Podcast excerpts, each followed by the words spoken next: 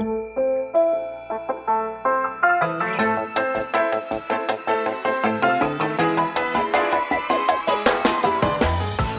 lieve luisteraars, welkom bij de Stories of Inspiration podcast van What's Your Story. De podcast waarin ik jou laat horen dat er achter ieder gezicht een inspiratiebron schuilt. En waarin ik jou heel veel tips ga geven over hoe jij meer naar buiten kunt treden met jouw authentieke verhaal. Heel veel plezier met luisteren en na afloop ben ik onwijs benieuwd wat je ervan vond. Stuur me een berichtje via Instagram als je wil reageren, als je vragen hebt of als je jouw verhaal ook zou willen delen. Veel plezier met luisteren!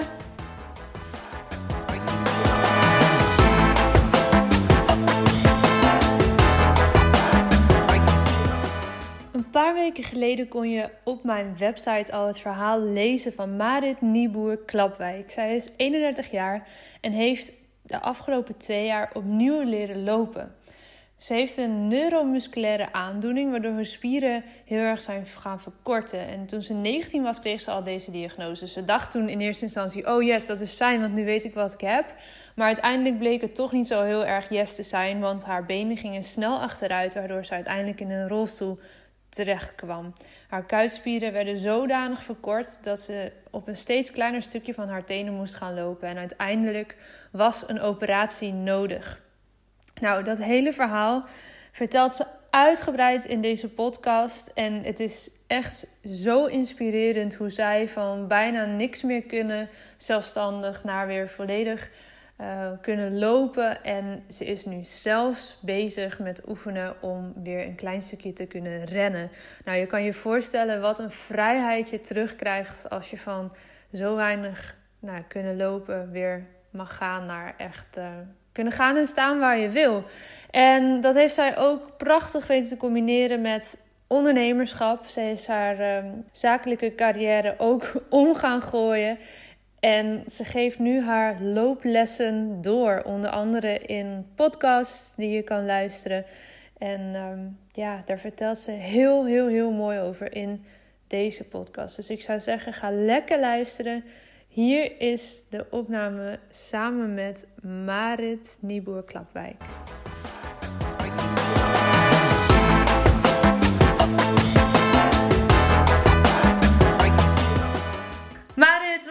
wat superleuk dat je in de Stories of Inspiration podcast zou zijn.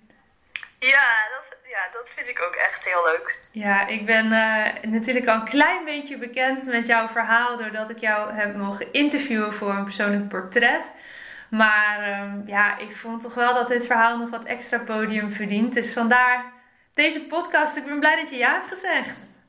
Ja, dankjewel voor dit podium ook. Ja. En voor het, uh, uh, nou, zou ik eens maar zeggen, het setje in de rug. Ja, nou ja, dat is precies uh, waar dit voor bedoeld is. Uh, hey, voor wij beginnen um, en in jouw verhaal helemaal duiken, heb ik voor jou natuurlijk ook de openingsvraag van deze podcast. Wie of wat, maar het is jouw grootste inspiratiebron? Ja, dat vind ik een hele mooie vraag. En um, um, ik, als ik er zo over nadenk, dan denk ik dat echt mijn grootste inspiratiebron toch wel uh, mijn eigen proces van leren lopen is. Uh, en uh, nou, dat is, dat is tevens ook mijn verhaal. Maar ja, ja omdat het me zo de ogen heeft geopend van ja, hoe door dat bewust te doorleven, door daar met mijn volle bewustzijn zeg maar bij te zijn, heb ik daar echt levenslessen uit kunnen trekken. En die komen echt, nou ja, vandaag de dag nog elke dag voorbij. Ja. Dus um, ja, ik denk dat ik dat. Dan denk ik dat er niks anders op zit dan dat we gewoon daarin gaan duiken. Want je zegt het al, weer leren lopen. Uh, ik kan me voorstellen dat iedereen die jou niet kent en die nu luistert gelijk denkt van... Hè? Hoe dan? Wat is er gebeurd? Vertel me meer.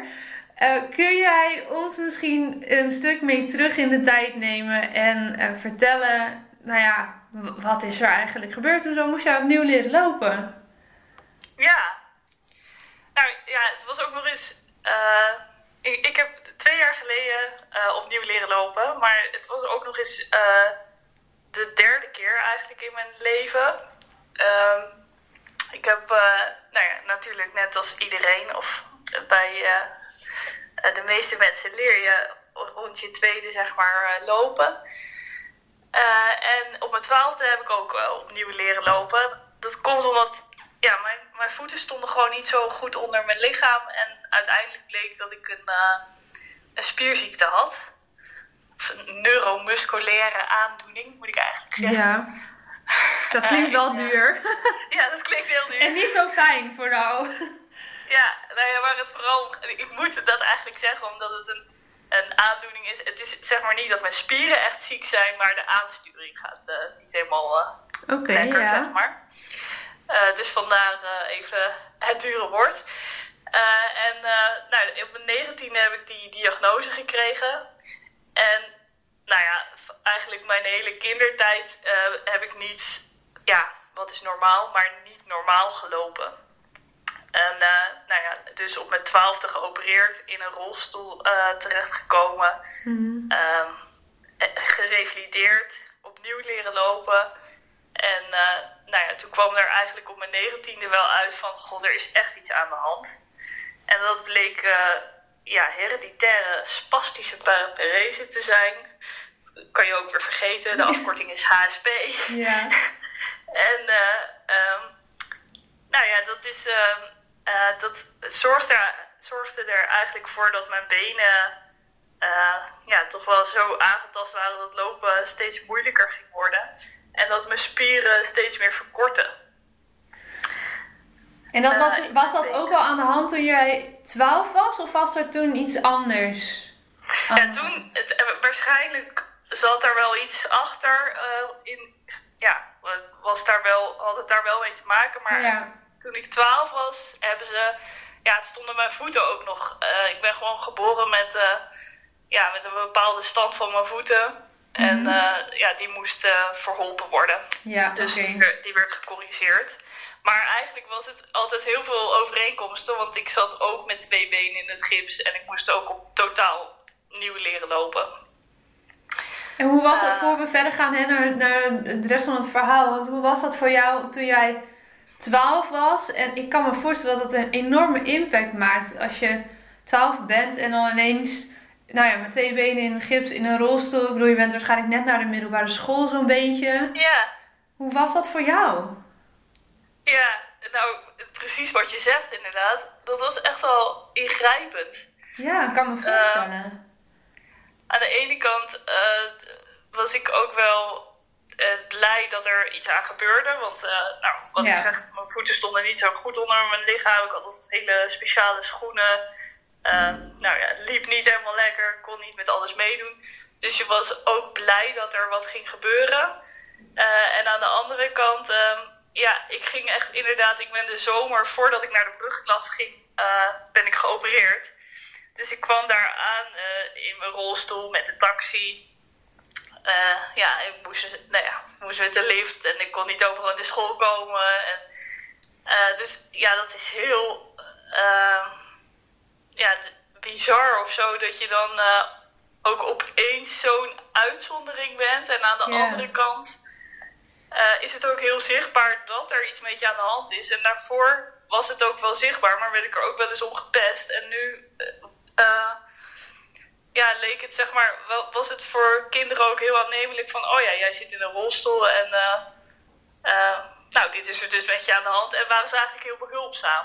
Oh ja, dus, dus dat, was dat fijn of dacht je van, ja, hallo, nu ineens wel, nu ben ik ineens wel interessant of zo?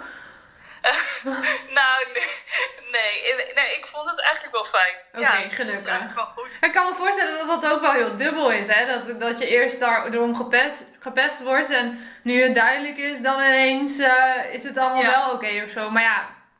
Ja, dat doet wel iets met je. Ja. Uh, dat, dat wel. Van oké, okay, dus het maakt blijkbaar uit uh, of, je, of het echt zo zichtbaar is ja. in een rolstoel. En dat heb ik later ook wel ervaren. Uh, dat, dat een rolstoel is voor mensen toch echt een bepaald beeld uh, wat ze kunnen plaatsen. Ja. Uh, en op het moment dat je gewoon rondloopt, dan, ja, dan is dat toch minder ernstig of zo. Dat, dat past in een ander beeld. Ja, ja. hey, en hoe ging dat verder? Want toen, je zei net al eventjes, hè, op mijn negentiende moest ik weer opnieuw leren lopen. Wat is er in die tussentijd zo'n beetje gebeurd? Nou, in die tussentijd uh, heb ik lekker gepuurd. Nou, fijn. Dat is, maar dat is wel fijn, toch? Dat dat ook ja. gewoon komt. Ja, zeker. Ik heb leren lopen en, uh, nou ja, uh, ook omdat ik natuurlijk dat eerste jaar heel veel echt een uitzondering was, mm -hmm. was ik daarna ook blij dat ik gewoon even mezelf kon zijn. En heb ik genoten van mijn schooltijd. Ja. en was ik ook wel heel erg klaar met ziekenhuizen, doktoren, fysiotherapeuten. Ja. Dus heb ik dat echt heel erg links laten liggen. En toen uh, begon ik, nou zeg rond mijn 17 of zo, steeds meer te vallen. En uh, ja, dat, dat er toch ook wel een beetje zo met een schuin oog gekeken werd van... Hmm, dit, dit is niet helemaal normaal voor een meisje van 17. Uh, eh, en toen ben ik opnieuw nou ja, het traject ingegaan, de medische molen. Ja. En toen was al heel snel bekend van, oh ja, wacht even, maar dit is neurologisch. En het is niet, uh, ja, we hebben die voeten wel recht gezet, maar er is meer aan de hand. En wat betekende dat? Hè? Want je hoort dan, ja, het is neurologisch, ja, oké, okay, dat lijkt me dan nog een soort van ontastbaar. Maar wat, wat betekende dat voor jou op dat moment? Uh, nou, ik kreeg dan de diagnose en uh, die diagnose was eigenlijk HSP, uh, is eigenlijk iets wat rond je veertigste vaak zich manifesteert. En dan uh, uh, nou ja, ga je eigenlijk steeds slechter lopen. Ja, maar jij was dus nog geen twintig. En ik was nog geen twintig. En ik had dan wel, ik, waarschijnlijk heb ik dan een, had ik ervoor, gaan we het zo nog over hebben, um, die zeg maar vooral bij kinderen voorkomt wel. Maar dat, we, dat bleef ook allemaal een beetje vaag. Mm En ook omdat het dus zo vroeg al in mijn leven uh, nou ja, zich manifesteerde, was het, een, ja, was het ook heel onduidelijk hoe het verder zou gaan. Dus ik kreeg wel een diagnose en daarmee was ik eigenlijk blij, want ik dacht zo mooi. En nu kan ik zeggen wat er met mij aan de hand is, want dat was natuurlijk wel steeds vaker de vraag van, goh, ja. wat loopt je raar, wat heb jij eigenlijk? Oh, je bent zeker door je enkel gegaan. Of, nou ja, oh ja, nou, was het maar zo inderdaad. Ja. ja, nou, nu kon ik zeggen, nou, dit is wat er aan de hand is. Ja. Uh, dat bracht een stukje rust, maar aan de andere kant was het ook wel uh, ja, heel gek. Want op je negentiende ga je natuurlijk echt, sta je ja, wel heel erg aan het begin van je leven. Ik was aan het studeren, ik had vele ambities. En uh, ja, dan, dat, ja, vooral ook ondernemen, overigens. Mm En ik zag mezelf echt niet ondernemen in een rolstoel. Uh, dus ja, dat, dat was uh, even slikken ook wel. En ook yeah. ergens gaat het leven gewoon door, want er werd ook wel gezegd, het gaat waarschijnlijk heel langzaam. Dus nou, dat was mooi, maar het was ook een beetje van, ja, waar, waar gaan we dan nu op zitten wachten of zo? Ja, wat gebeurde er met jou in die periode? Want je zegt net al, ja, dat, dat zet toch alles wel even in een ander perspectief. Hoe was ja. dat? Nou, ik ben eigenlijk dus wel gewoon doorgegaan. Ja. En, um, en ik denk dat de bewijsdrang iets groter werd. Dus ik had wel oh, ja. achteraf gezien, als ik er nu op terugkijk, had ik ergens wel een beetje haast. Ja. Uh, uh, en dan niet haast in de zin van, oh, uh, hè, gelukkig is, is, was de diagnose niet zodanig dat ik, nou ja, uh, dat het levensverkortend was of zo. Maar meer van, ik had echt het idee dat mijn leven voorbij zou zijn als ik in een rolstoel kwam. Ja. En kan je dan eens een, een voorbeeld noemen of een moment misschien nog je herinneren van waar, waar die haast echt heel erg naar voren kwam? Je dacht, oh, maar ik moet dit nu doen. Um, ja, in mijn werk. Ik, ik hield echt van mijn werk. Ik uh, uh, deed, uh, ik deed een opleiding in de marketing. Mm -hmm. En ehm, ik, deed een, ik wilde graag de tuinbouwsector in. Dus ik wilde groente en fruit en vermarkten. Yeah. En daar marketingconcepten omheen bedenken. En ja, ik had wel, ik greep daar wel elke kans aan en was daar heel gedreven in. En uh, ja, ik voelde daar ook wel een soort missie van, uh, oké, okay, um, dit verhaal vertellen en dan moet het dus nu. Ja, ja. Ik kan me voorstellen dat dat ook echt wel heel vermoeiend moet zijn geweest.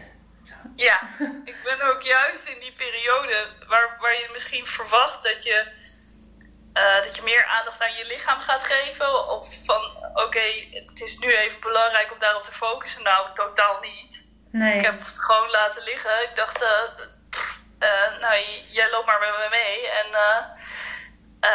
ik ga nu even andere dingen doen.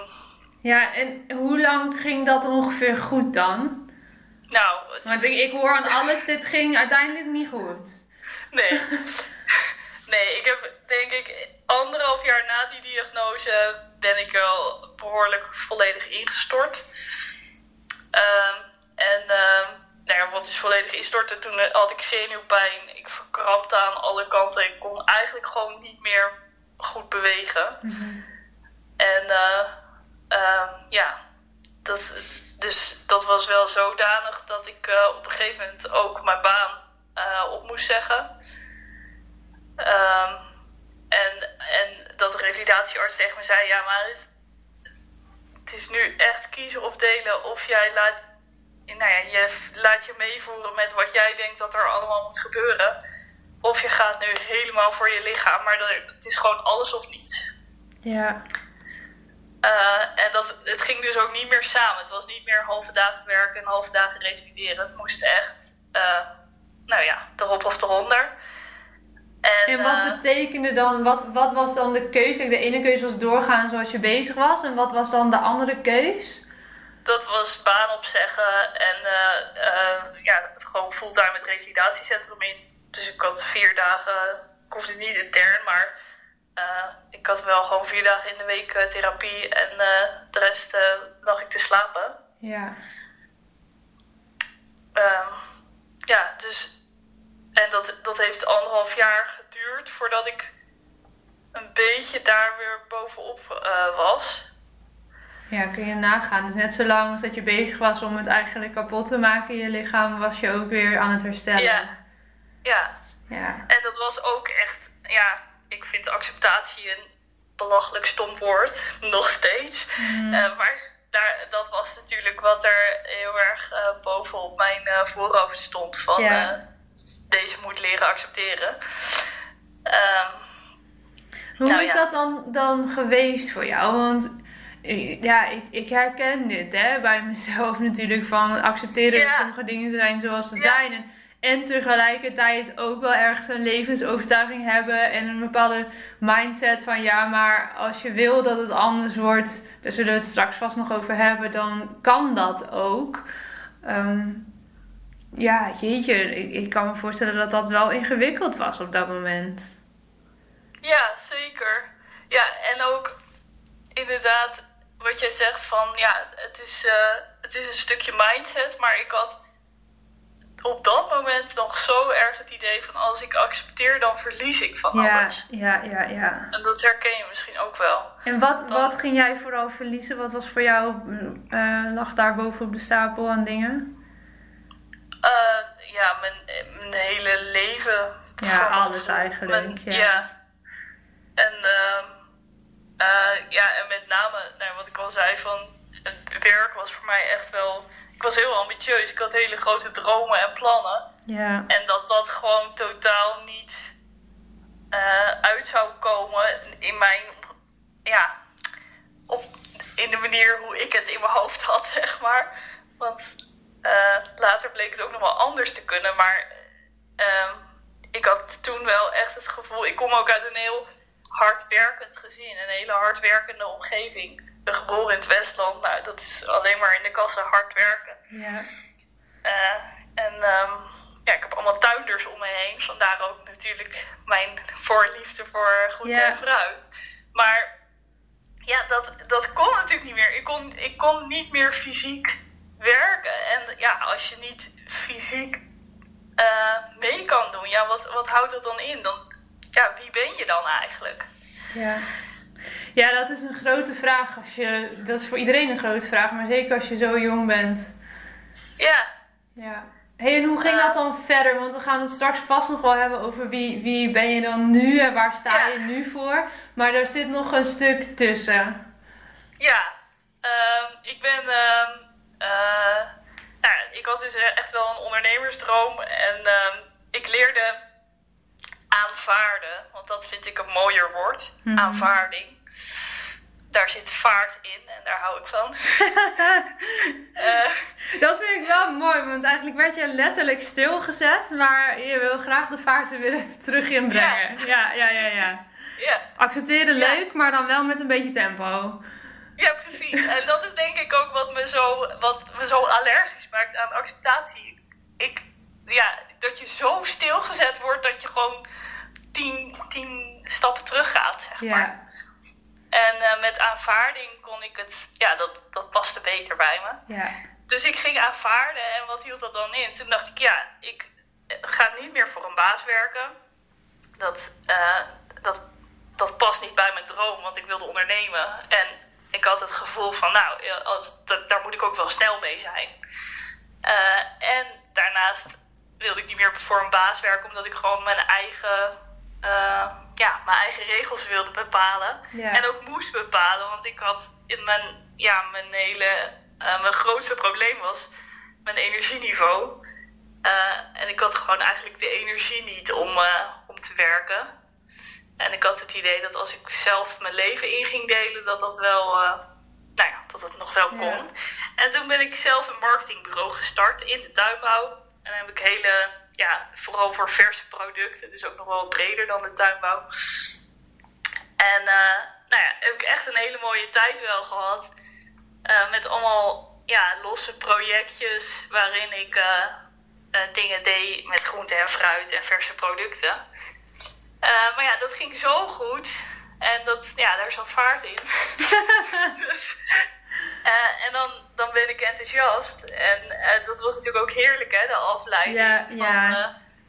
eh, ja, weer eigenlijk, want dat was daarvoor natuurlijk ook lekker, die afleiding. Ja, Ja. precies. En ik kon natuurlijk, ik zat al snel vol. Ik kon echt, echt niet meer dan tien uur in de week werken. Nee. Dus, ehm, eh, nou ja, dat, dat al vrij snel bleek toen ook dat ik dat het eigenlijk niet ging. Eh, en ehm, eh, ja, toen ben ik natuurlijk nog wel een, een tijdje doorgegaan, maar eh, uiteindelijk moest ik echt wel nee zeggen tegen mijn klanten en eh, weer terug. Ja, dat voelde echt naar terug bij af. Ja. Dus eh, ehm, ja, de zenuwpijn kwam terug. Of die, die was er altijd wel gebleven, maar die kwam zodanig terug dat ik gewoon echt niet meer kon. Ik kon, ik kon eigenlijk echt geen stap meer zetten. En ja, nou ja, dat maakte dat ik. Eh, ja, ik werd echt letterlijk stilgezet. Mijn lichaam ging. Die had echt zoiets. Nou, dan ga ik nu maar heel hard schreeuwen, want ja, want je luistert niet. je luistert niet. Nee. En hoe oud was jij toen ongeveer? Waar hebben we het dan nu over? Hoeveel later? Ehm, dat is eh, eh, 2015 geweest. Dus eh, Ja. eh, even denken. Nou, dat is zeg maar drie jaar later of zo. Ja, ja, ja. Ja. En toen, toen kon je eigenlijk niks. Toen kon ik niks. En toen, toen was ik al heel snel, had ik zoiets van, oké. toen had ik inmiddels ook wel al coaching. Omdat ik zoiets had van, goh, wacht even. ehm, ik, hier heb ik zelf echt wel iets in te doen. En Ja. Eh, nee, je zou denken in een revalidatiecentrum is dat daar ook wel aandacht voor, ja, maar echt wel op een hele andere manier. Veel meer op het fysieke, denk ik, of niet? Ja, Ja. klopt. En ik had nu wel zoiets van, goh, ik heb, nou, ik had wel het gevoel dat ik hier zelf ook echt iets te doen had. Ja. En, ehm, eh, en toen nou, heb ik besloten van, ik ga een jaar niks doen. En een jaar me volledig focussen op mijn lijf. Eh, en nou ja, alleen al de combinatie, die blijkbaar zit daar nog steeds iets. Want een jaar volledig focus, focussen op mijn lijf, dat is echt keihard werken. Dat is niet niks doen. Nee. Eh, maar ehm, eh, ja, zo is dat gegaan. En dat bracht me wel, nou ja, echt wel terug naar mezelf. En ook dat ik dacht, wow, eh, wat heb ik eigenlijk gedaan? En ehm, door nee te zeggen tegen die klanten, want ik was heel uitvoerend uiteindelijk bezig. Ik had allemaal deadlines. ehm, en die klanten die gingen zeggen, joh, ja, dat is toch niet erg? Dan kom je ons toch coachen? Ja, die wilde gewoon dat je bleef, hoe dan ook. ja. Ja, nou, dat is wel een groot compliment. Ja, en daar kwam eigenlijk mijn, een andere droom. Inmiddels was ik, nou ja, wat meer persoonlijk, met persoonlijke ontwikkeling uh, in contact gekomen. Ja. En uh, met een coachopleiding. En ik had zoiets, nou, die coachopleiding, dat ga ik wel een keer doen als ik 60 ben. Want ja, dan heb je levenservaring. Ja, ja, ja, ja. ja. en nu kwam het eigenlijk zo aanwaaien, om het zo te zeggen. Dus uh, nou, toen ben ik eigenlijk zo ook wel het coachvak ingerold. Ik ben niet meteen iedereen gaan coachen, want dan, eh, dan ik zou een jaar niks doen. Maar. Uh, dat is echt moeilijk voor je, ja, ja, ja. Ja. Dus, uh, nou, zo is dat gegaan. En, en toen heb ik mijn bedrijf eigenlijk omgegooid helemaal. En, en heb ik er, ja, ben ik veel meer die coachingskant op gegaan. Marketingcoaching, maar later veel meer ondernemerscoaching. Ja. En uh, ja, super mooi. En, maar ondertussen uh, wel ja, ging het proces van lopen en, uh, ja, en bewegen en mijn benen ging eigenlijk wel steeds meer achteruit, toch? Mijn spieren die verkorten echt heel snel in mijn kuiten. Mm -hmm. Waardoor ik echt volledig op mijn tenen kwam te lopen. En nou ja, buitenshuis eigenlijk alleen nog maar in een rolstoel uh, kon bewegen. Lijkt me ook heel pijnlijk. Het klinkt echt ook wel heel pijnlijk als je alleen maar op je tenen kan lopen. Ja, ja nou je hebt heel veel uh, kramp. Ja. En, en uh, ja, je hebt gewoon ook constant het gevoel dat ja, je voelt die verkorting echt. Mm -hmm. Dus, uh, nou ja, dat.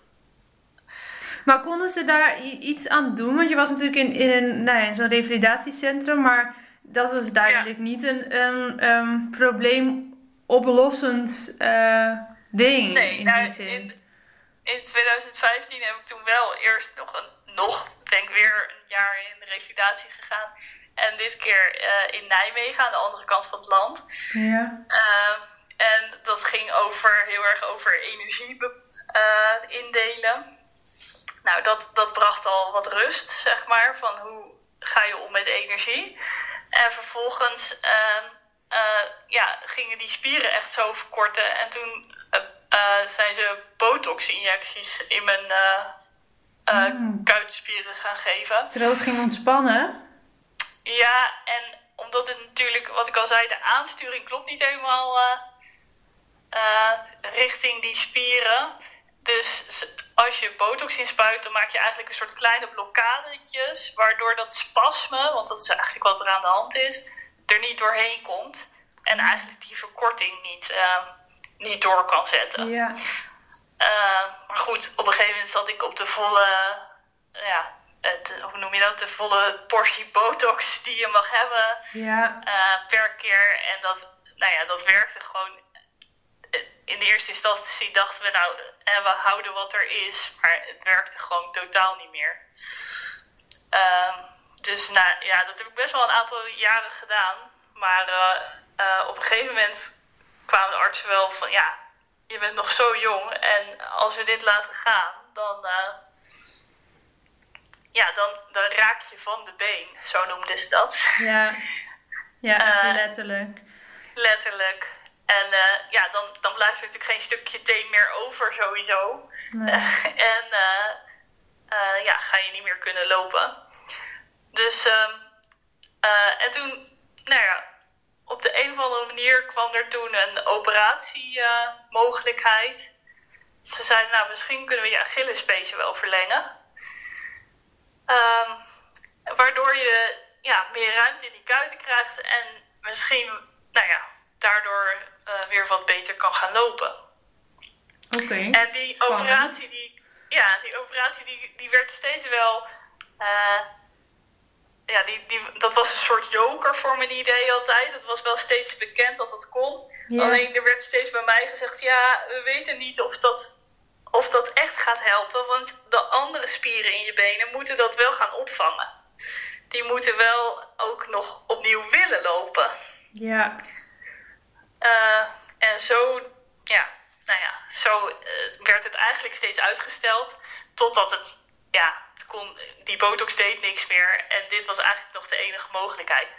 En toen werd er gesteld van, nou, Marit, wat wil je? We kunnen dit af gaan wachten. Of, uh, nou ja, we nemen het risico wel met het risico dus dat je spieren het niet over gaan nemen. En, uh, en dat zou betekenen dat lopen er überhaupt niet meer in zou zitten? Of... Ja, of op een hele. Eh, of dat, voordat ik geopereerd werd, ik zat buitenshuis. Even voor de luisteraars. ik zat buitenshuis in een rolstoel. Ja. Uh, uh, maar binnenshuis, uh, ja, we hadden inmiddels wel ons hele huis rolstoelvriendelijk gemaakt. Maar kon ik me wel redelijk redden.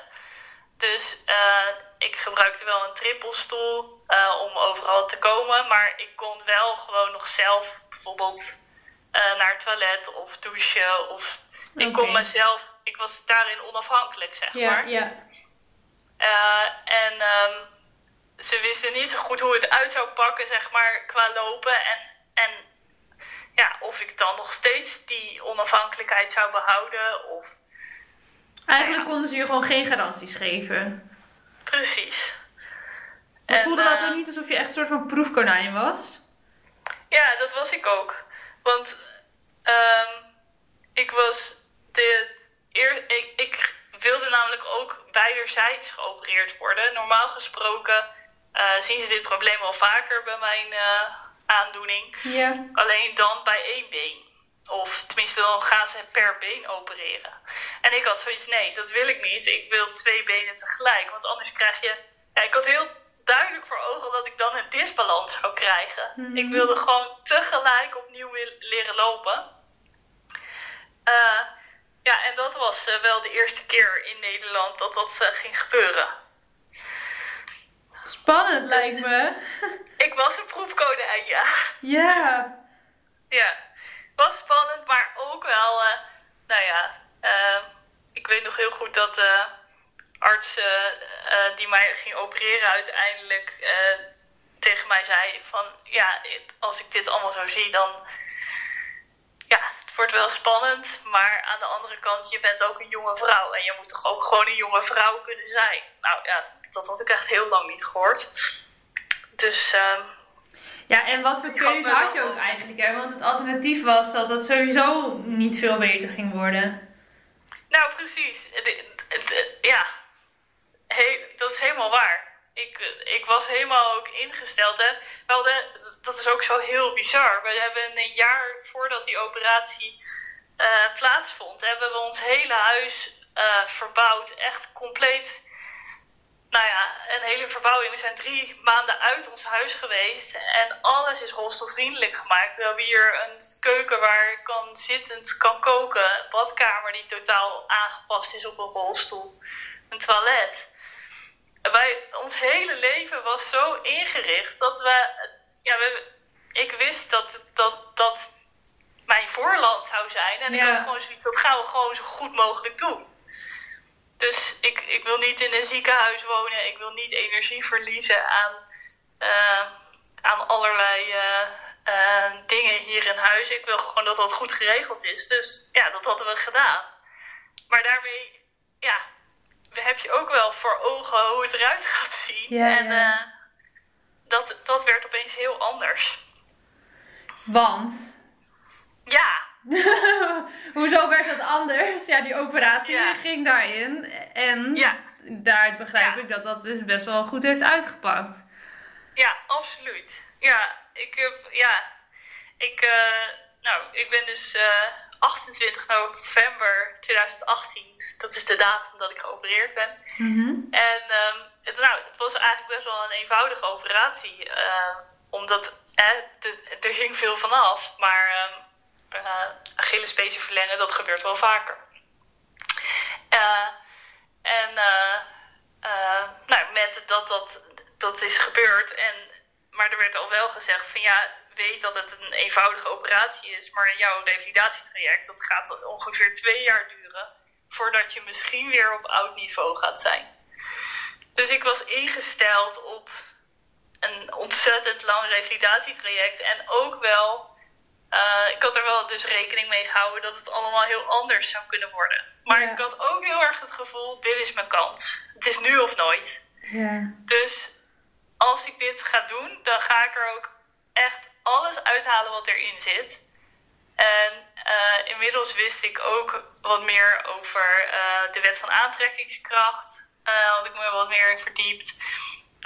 ik, nou ja, ik was wel gefascineerd door Eckhart Tolle met de kracht van het nu en ook visualisaties. En ik had zoiets, nou, ik heb nu zo'n toolkit. Ik heb een coachopleiding gevolgd waarvan alles in zat. Ik wil dan ook, nou ja, daar iets mee gaan doen. Dus ik ben al vanaf nou ja, voor de operatie gaan visualiseren hoe het was om, om te lopen. En uh, uh, met dat ik geopereerd werd, nou ja, heb ik eerst uh, zo'n acht weken in het gips gezeten. en, maar toch, de volgende dag na de operatie kon ik al staan. Gewoon naast je bed in die gips, in het gips? Ja, ja. precies. En dat was niet normaal of was dat nog wel enigszins normaal?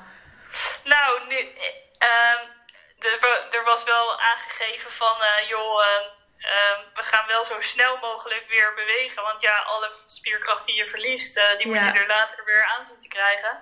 Maar eh, op, ik heb die, de volgende dag gewoon meteen mijn eerste stappen gezet. Ja, dat was wel echt een soort van, huh, oké. Uh, dat gaat goed. Ja. Uh, en vooral voor mezelf, denk ik. Want ik had echt zoiets van, nou, ik, uh, ik was heel erg aan het visualiseren, maar ik vond het ook heel spannend. Ja. En je moet je voorstellen dat je dus eigenlijk al een heel aantal jaren op je tenen loopt en je wordt helemaal op je beide voeten op de grond gezet. En dat is ook een heel ander perspectief, zeg maar. Ja, hele andere balans ook lijkt me. Ja, precies. Dus uh, dat, dat was in eerste instantie al heel gek. En ja, dat, uh, mijn revalidatieproces begon natuurlijk uh, op dat moment. En dat ging ja, heel goed.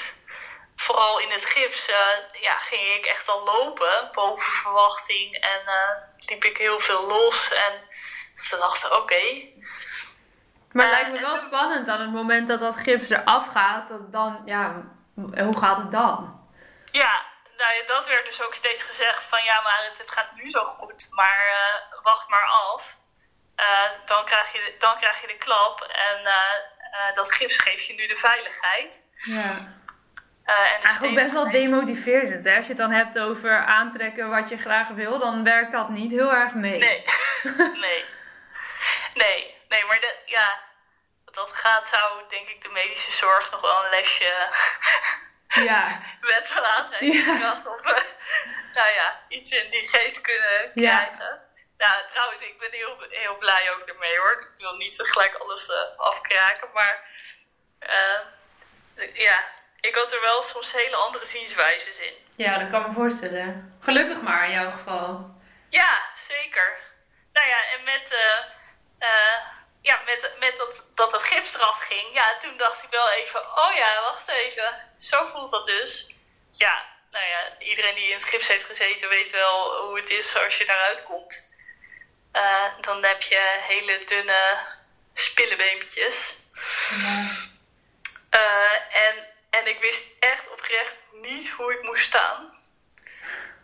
Had je dan echt dat je een soort van onvalgevoel kreeg? Ja, ja ik had gewoon constant het gevoel inderdaad dat ik naar achteren ja. werd getrokken. Ja, ik kan me voorstellen als je zo ineens weer met je voeten op de grond staat in plaats van op je tenen.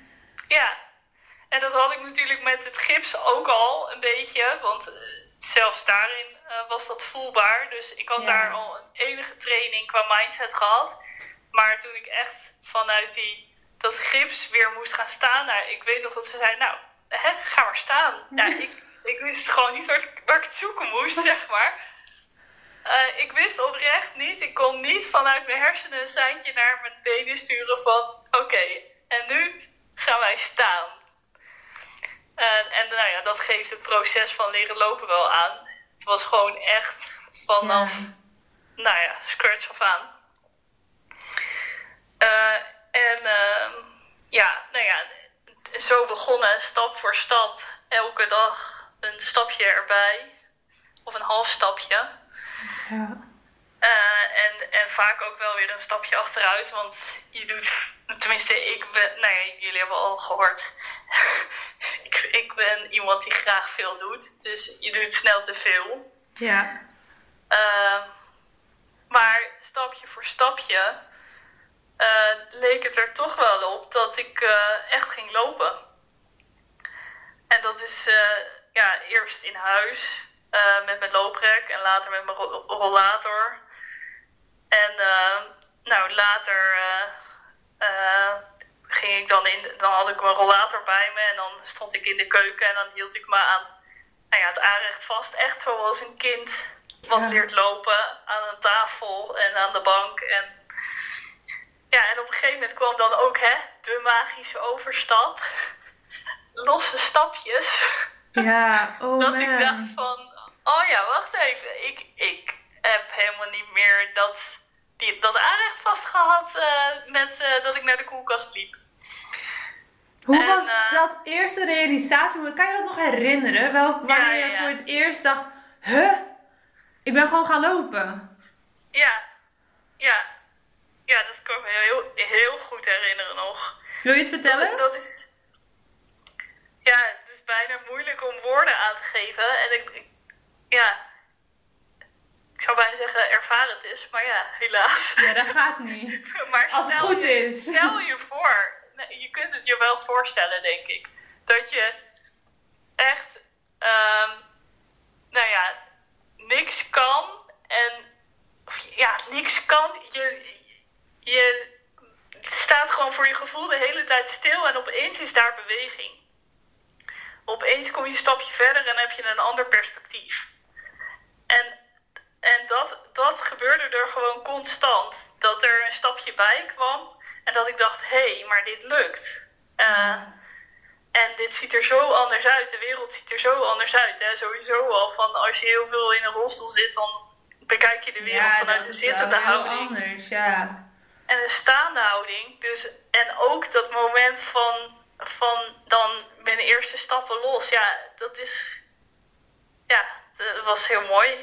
Uh, ik vind En het een wanneer- beetje magisch. Ja, ja, dat snap ik wel. En er is natuurlijk zoveel aan vooraf gegaan. Maar zij zeiden Ja. tegen jou, ze gaven jou een perspectief van twee jaar revalidatie. Eh, Hoe snel is dit dan gegaan uiteindelijk? Dat je echt weer stappen ging zetten zonder dat je steun nodig had? Ja, nou, dat, dat gebeurde dus echt wel heel snel nadat, eh, nadat ik uit het gips was gekomen. Hè. Dat was wel even een dieptepunt, of even een dieptepunt, een behoorlijk dieptepunt. Eh, maar eh, met dat ik zoiets had van, ja, maar hallo, wacht even, ik had iets met mezelf afgesproken. Ik ging visualiseren en ik, ik geloof toch dat ik dit kan. Ja. Eh, en dat is ook heel gek, hè? Want ik kwam uit een, uit, een, uit een periode waarin ik eigenlijk alleen maar achteruit ging. Ik ging Ja, alleen maar achteruit gaat het dan en al- beter. ja. Dus, en daar ben je ook helemaal op ingesteld. Je, ik, alle training die ik daarvoor deed was om te behouden wat ik had. Ja. En nu komt er, kwam er vooruitgang. En ook al was dat heel klein, eh, ja, daar kon ik zo, nou ja, wat ik al zei, dat, dat is iets magisch dan. Dus ik kon daar ook zo van genieten en daar helemaal in meegaan. Ja. ik denk dat dat ook wel echt geholpen heeft. Maar ja, ik denk dat ik dus eh, twee weken, een maand later al zo losliep. Zo snel! Oh Ja. jeetje. Ik had even nog iets anders bedacht dat je nu ging antwoorden. Maar dat is echt heel snel. Ja, Als ja. iemand zegt twee jaar en het is twee weken, a vier weken. Ja, en dan moet je, ne- hè, dat was nog niet eh, dat ik hier eh, het hele huis liep schoon te maken en buiten rondjes liep. Nee, dat Helemaal. snap ik, maar toch. Maar ik, Zo voelde het misschien wel.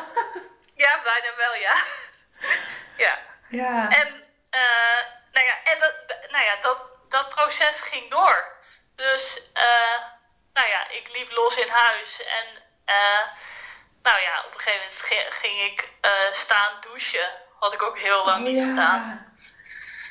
Daar denk ik niet eens over na, hè? Ik denk daar niet eens bij na. Nee, ja, dat was ook al.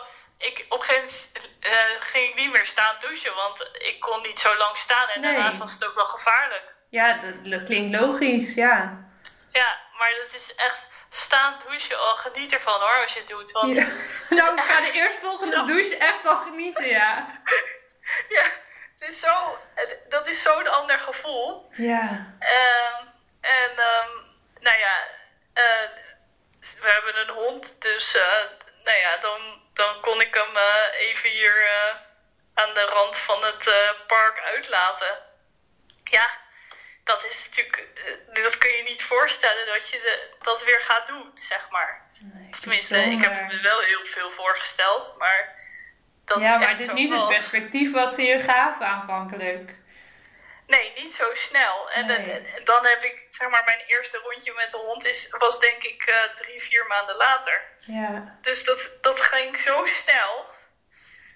Eh, en ehm, ja, nou ja, dat ging door en door. En in mei, eh, dus nou, ik was in november geopereerd en in mei werd ik 30. Eh, en ehm, toen had mijn man een surprise party georganiseerd, heel erg leuk. En ik hou heel erg van dansen. Ja. Ook zit, zittend overigens. Ja, ja. Dus, eh, eh, maar ja, ik, vind, eh, ik vind dansen gewoon heel erg leuk. En hij had een locatie op het strand afgehuurd. En eh, nou ja, daar hebben we een dansfeestje gehad. En ik heb daar gewoon de hele avond, ja wel met heel veel adrenaline, staan dansen. Wauw. Dus, nou ja, met alle vrienden en eh, familie. Maar dat is zoiets, eh, ja, om even aan te geven hoe snel dat ging. Ja, maar ik vind het zo bijzonder hoe jij vertelt over van, hè, dat visualiseren en zelf zo sterk geloven dat het kan. En daar ook heel veel voor willen doen en laten. Want het is natuurlijk niet alsof je bent gaan zitten en het kwam je aanwaaien. Integendeel. Maar je bent wel echt bereid geweest om, om de effort te leveren. En dus kreeg je ook wat je wilde. En hoe je het voor je kon zien. Dat, Ja. Ik vind dat zo mooi. Dat die kracht hè, van, ons, van ons brein. Dat als je het nou ja, kan visualiseren en kan geloven dat het werkelijkheid kan worden. Dat dat dus ja, dan al zo tastbaar is dat het bijna niet anders kan dan dat het gaat gebeuren. Ja, dat het echt mogelijk is. En ja, Ja, heel bijzonder. daarmee, ja, dat, dat vind ik dus ook. En ik vind het ook heel wonderlijk. En, want ehm, ik had dit echt, zeg maar, als je me dit twee, ja, niet twee jaar, drie jaar geleden, zeg maar, had verteld, dan had ik het echt gewoon niet geloofd. Maar Nee. daar zit denk ik ook al. Ja, nou ja, dat vind ik dus nu wel eh, het bijzondere. Van ik heb een, een kans gekregen en hem met beide handen Mm. aangepakt. Ja. Maar ik had ook wel echt een kans nodig om dat geloof weer terug te krijgen. Ja. Dus dat, dat wil ik ook nog wel een soort van benadrukken. Eh, zeker als ik denk aan mezelf drie jaar geleden. Ja, die kans. eh, en die kansen kun je zeker. Dat, dat kan echt al iets heel kleins zijn. Maar je hebt wel ergens een soort perspectief nodig. Ja. En eh, ja, nou wel ja, fantastisch. En nou ja, ik loop dus eh, nu heel goed. Ja, want je vertelde mij zelf dat je aan het oefenen bent om weer te kunnen rennen. ja, dat is mijn nieuwe uitdaging. Ja, echt. Ik vind het echt zo fantastisch om te horen dat het dus zo goed gaat. Dat dat ook weer een optie is geworden. En eh, ja, dat je het je dus kan inbeelden. Dus ik geloof ook eigenlijk zo dat het je uiteindelijk gaat lukken. Ja, ja. Nou ja, de- ik, rennen was niet iets. Dat klinkt ook heel gek, maar op een gegeven moment was ik, eh, voordat ik geopereerd werd, de jaren daarvoor, in de eerste instantie was aanvaarden en accepteren dus heel erg moeilijk. Maar Ja. met dat de tijd vorderde en ik, nou ja, steeds meer ook bij mezelf ging kijken van, goh, wat brengt dit me? En eh, ik ging met coaching aan de slag en ik kon steeds meer zien van, van oh, dit is ook wel iets heel moois in mijn leven. Die, die ziekte eigenlijk. Ja. Ehm, kwam ook wel ja, eigenlijk het, daarmee kwam de aanvaarding ook van oké, en de acceptatie, dit is het. En ik ben me daar ook wel mee gaan identificeren. Van, ja, je, ik heb ooit een boek gelezen over het accepteren van een handicap. En de laatste fase is symbiose. Dus dan ben je helemaal één met je, ja, met je handicap. Ik vind mhm. handicap ook een stom woord. Ik vind eigenlijk alles. Stom. Ik, een, anders, een anders werkend lijf. Dat vind ik mooi. Uh, maar als je, als je daar dat helemaal kan omarmen, dan heb je symbiose, om het zo te zeggen. En uh, daar, ik had op sommige vlakken echt wel dat ik dacht van wow, ik kan me bijna niet meer voorstellen hoe het is om niet uh, in die rolstoel te zitten. Ja.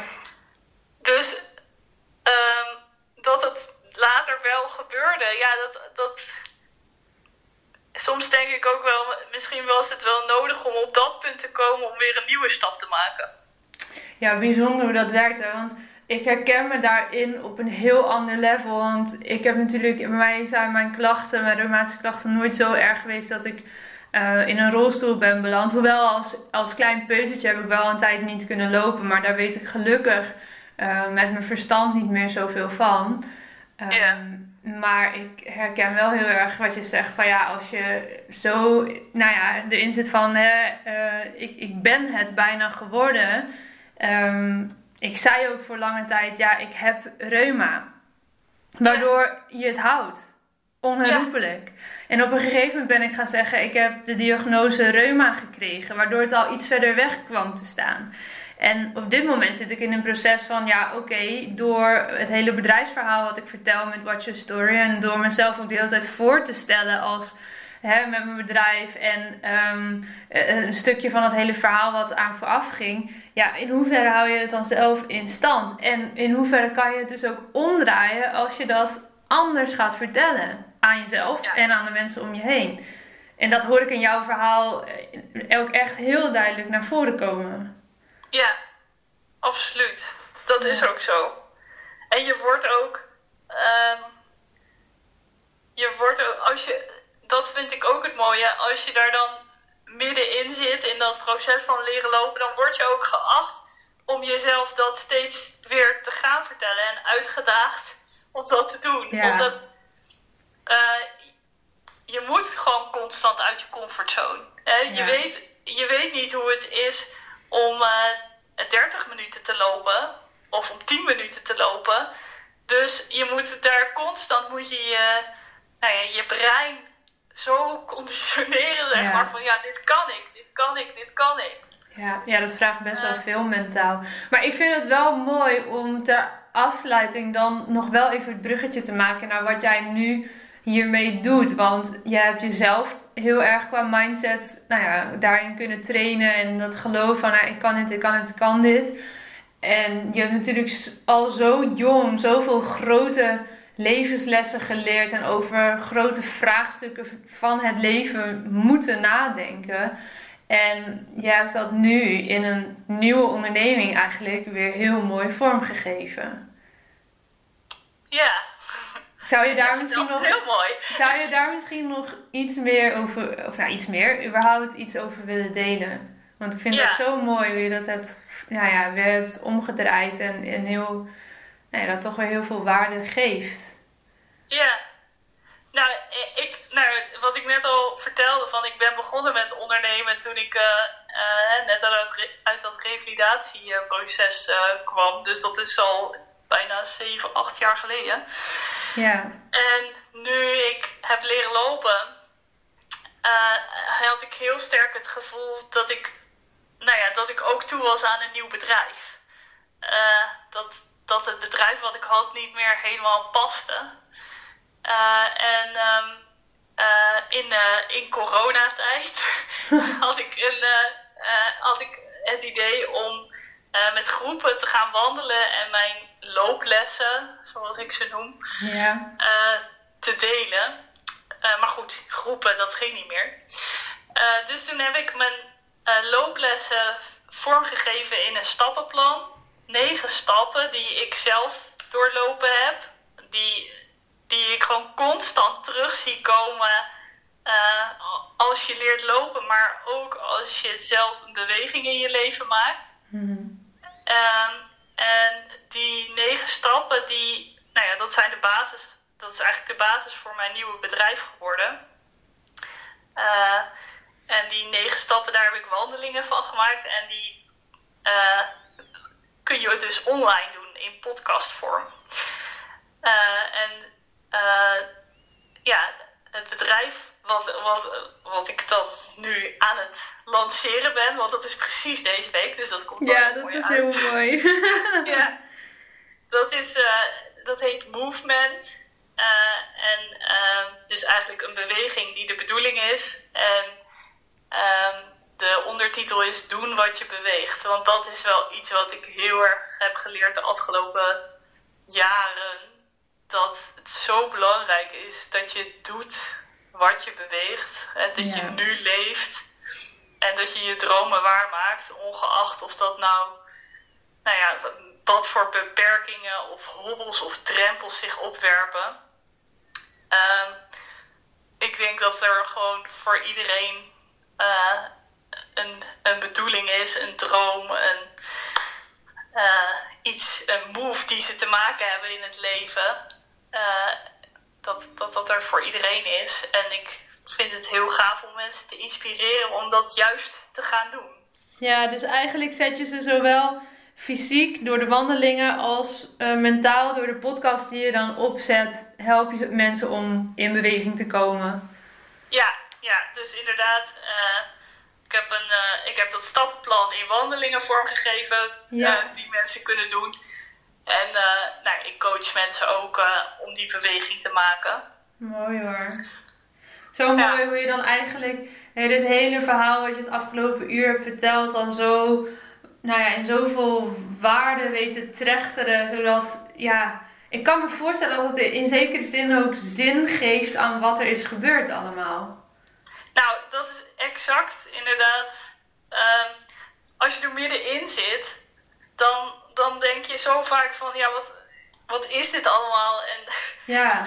wat, wat moet ik hiermee vooral? Ik heb nooit gedacht, oh, waarom? Maar wel van, wat moet ik hiermee? Wat, wat kan ik hiermee? En uh, ja, nu kom ik op een punt, hè, ik loop inmiddels en uh, mijn nieuwe leven is zich langzaam aan het vormgeven, want het is echt een totaal nieuw leven. Maar um, uh, ja, is, dan is het heel fijn om die, die lessen ook door te kunnen geven en ook te zien hoeveel mensen eraan hebben. Ja, dat is wel echt heel gaaf. Ja. Hey, als mensen dit nu luisteren, als, ik vind het sowieso top als je nog steeds aan het luisteren bent, een uur nadat we gestart zijn. Waarvoor dank. Um, als mensen nu luisteren en zoiets hebben van, oh die wandelingen, die zou ik echt wel, uh, die podcast, die, die, zou ik heel graag willen volgen. Waar kunnen zij terecht? Waar vinden ze dit? Ja, nou dat staat uh, op mijn nieuwe website.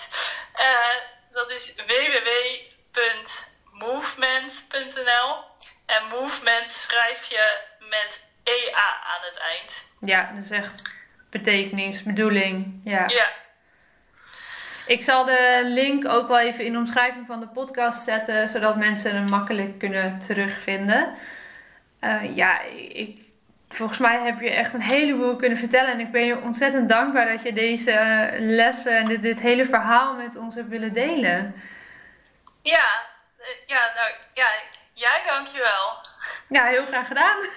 ja, heel, uh, ja, fijn dat je me een zetje in de rug uh, geeft om dit wel te vertellen. Ja, je wil in beweging toch? Let's go. ja, let's go, ja. Geweldig. hey, dankjewel. Yes, jij dank. Ja, dat was hem weer voor deze keer. Dankjewel voor het luisteren en ik hoop dat je hebt genoten van deze podcast. Wil je me helpen deze podcast te laten groeien? Laat dan een recensie achter via iTunes of deel in je Instagram stories dat je hebt geluisterd en vergeet mij niet te taggen. What's your story? NL. Zo kunnen wij er samen voor zorgen dat er meer en meer inspirerende verhalen gedeeld zullen worden. Alvast onwijs bedankt voor je support en tot de volgende aflevering.